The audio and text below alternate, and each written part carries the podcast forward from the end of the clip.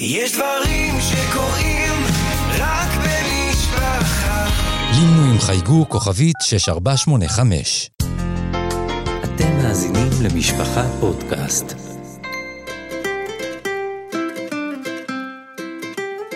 זמן סיפור סדרת סיפורים לילדים מתוך ספריית ילדים של משפחה.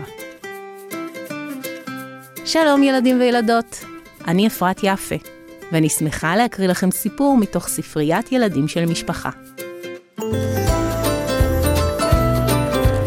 שהפיג'מות מתלבשות על כולם. מאת יעל רועי.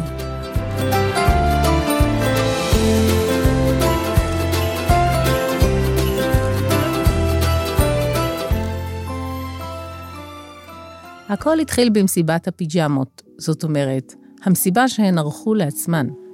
כתומה אמרה, זו אינה מסיבה אלא כינוס מחאה.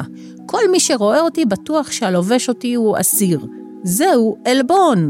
אני דורשת מהפכה שתרגיל את יושבי העולם לעובדה שהנני לבוש מכובד. בדיוק, אמרה תכלת. שום ילד אינו מוכן לקנות פיג'מה בצבע המסוים שלי, כי אני מזכירה לו אחות ובדיקות דם. מה אני אגיד? כוננה ירוקה. רואים אותי ובורחים, ישר חושבים על רופאים בחדר ניתוח. חברים, בואו נרגע, אמרה מנוקדת, שכינסה את כולם מלכתחילה מכוונות טובות. הרי נפגשנו כדי לחגוג. כן, נחגוג. מסיבה אמיתית נעשה כשנתלבש על העולם, ואנשים ילמדו להעריך אותנו כראוי. אני על קברניט, הכריזה כתומה. למה דווקא קברניט? שאלה הלבנה, שבדרך כלל ישבה בשקט בצד. כי הצוות שלו מסכן. כל היום הם רואים זה על זה רק צבעים כהים ומדכאים של בגדי עבודה. מצווה לשמח אנשים, ובפרט כשהם עובדים בתנאי מזג אוויר קשים ומשתנים בים. כך מצא את עצמו ההגאי הראשי קרוב לאבד שליטה בהגה האונייה. הוא נבהל למראה הכתום הזורח לימינו, והתבלבל עוד יותר כשגילה שזהו קפטן האונייה. שמור את העיניים קדימה, פקד הקברניט. כן, אדוני, ענה ההגאי שהתקשה לו לפזול. אתה צריך בדיקת ראייה? אמרתי, קדימה. לא, אדוני, כן המפקד, הכתום שלך משבש את חוש הראייה שלי. איזה כתום?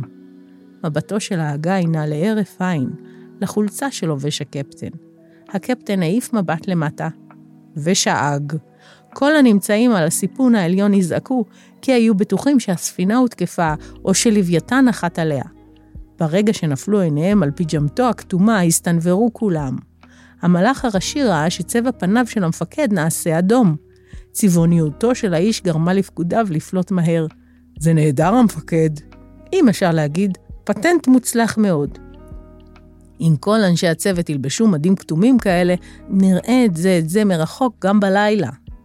עיניים, קדימה! צעק המפקד על ההגאי, וכולם חזרה לעמדותיהם. מיד אחר כך הוא הורה בקול נמוך במכשיר הקשר שיגייסו את חיית חברת הספנות לארגן את כל עובדי המתפרה להכין לצוות כולו מדים כתומים.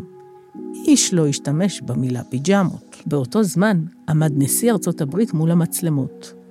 הוא לא הרגיש שום דבר חריג מפני שהיה רגיל לעמוד באור הזרקורים. לפתע, אחד העיתונאים שאל בקול, אדוני נשיא ארצות הברית, מהי האמירה העומדת מאחורי בגדיך החדשים? הנשיא, שתמיד היה מוכן לענות על כל שאלה, לא ידע מה לענות הפעם, וגם מה טעם נשאלה פתאום השאלה המוזרה. בגדיי מייצגים את יציבותה של המדינה שלנו, הם איכותיים ועשויים היטב. מה מסמלות הנקודות? צעק עיתונאי אחר. הן מייצגות את מספר המדינות של ארצות הברית? שאל אחר. הנשיא הרכין מבטו, וראה סוף סוף את חליפתו המנוקדת. אלה לא היו נקודות סתם, הן היו גדולות ובצבעים שונים, ורוד, סגול, ירוק דשא ובורדו על רקע שנהב. עשרות תמונות צולמו ברגע שהנשיא פער את פיו. מסיבת העיתונאים המסוימת הזו הסתיימה בחטף, ורבות מהשאלות של העיתונאים על אודות השלום בעולם, מצב הגרעינים שמפצחים האיראנים וחופשתו המתוכננת של הנשיא על הירח נותרו בלא תשובות.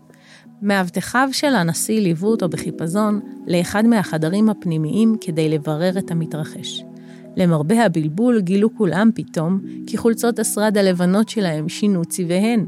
אחדות מהן היו מפוספסות ואחדות משובצות.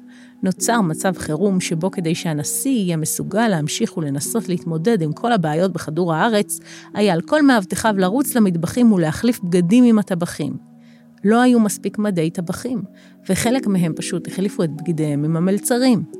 בינינו, אין הבדל גדול בין מדי מלצר ומדי מאבטח בוושינגטון, מלבד הפפיון. כל המאבטחים נראו פתאום ידידותיים יותר, וזה היה דווקא נחמד.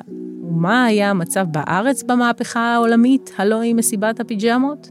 כל הרופאים גילו שהם לובשים פיג'מות, ועליהם הדפסים נחמדים של פטריות. צוותי מחלקות בית החולים פרחו, הם היו מכוסים בפיג'מות בירוק אה, כמו יער, ובשולי השרוולים והמכנסיים היו מודפסים פרחי העונה, כלניות, רקפות ונרקיסים. סקר מהיר הוכיח שמרגע שהצוות החל להופיע במחלקה בלבוש העדכני, חלה הטבה במצב המאושפזים. צוות טיפול נמרץ גילה שהוא לובש מדים לבנים ועליהם הרבה אופנועים או אופניים, כדורים פורחים ומטוסים.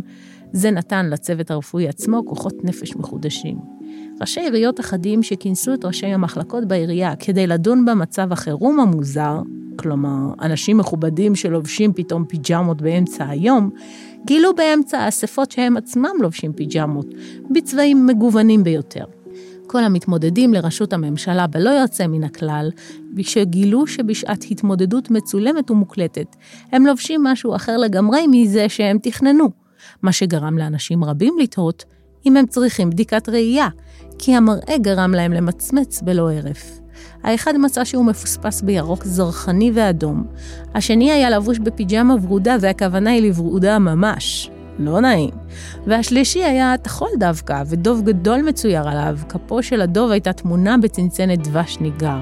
רבים מהפרשנים הפוליטיים התעמקו במשמעות הסמל. אתה רוצה להגיד לכבודו שאתה מתכוון לשפר את מצב הביטחון של המדינה בפיג'מה ורודה? שאל אחד המתמודדים. ואתה רוצה לומר לי שתדאג לכלכלה כשאתה לבוש בפיג'מה שמסנוורת אנשים? הודות לך כולם צריכים עכשיו להרכיב משקפי שמש גם בבית. אולי כדאי לפתוח מפעלים חדשים לייצור משקפיים. אף אחד מהם לא שם לב שכבר זמן מה איש אינו מאזין להם או מתעד אותם. כולם היו עסוקים בפיג'מות. העולם נראה טוב יותר כשהוא בפיג'מה, החליטה מנוקדת. אני מציעה לו לסיים את המסיבה לעולם, הכריזה כתומה. אני חושבת כמוה, צעקה תכלת, והצטרפו גם כל השאר. נמשיך להתלבש על העולם, הם יהיו עסוקים בלהתגלגל מצחוק וירגישו הרבה יותר טוב, הן החליטו. את התוצאות תוכלו לראות בעצמכם.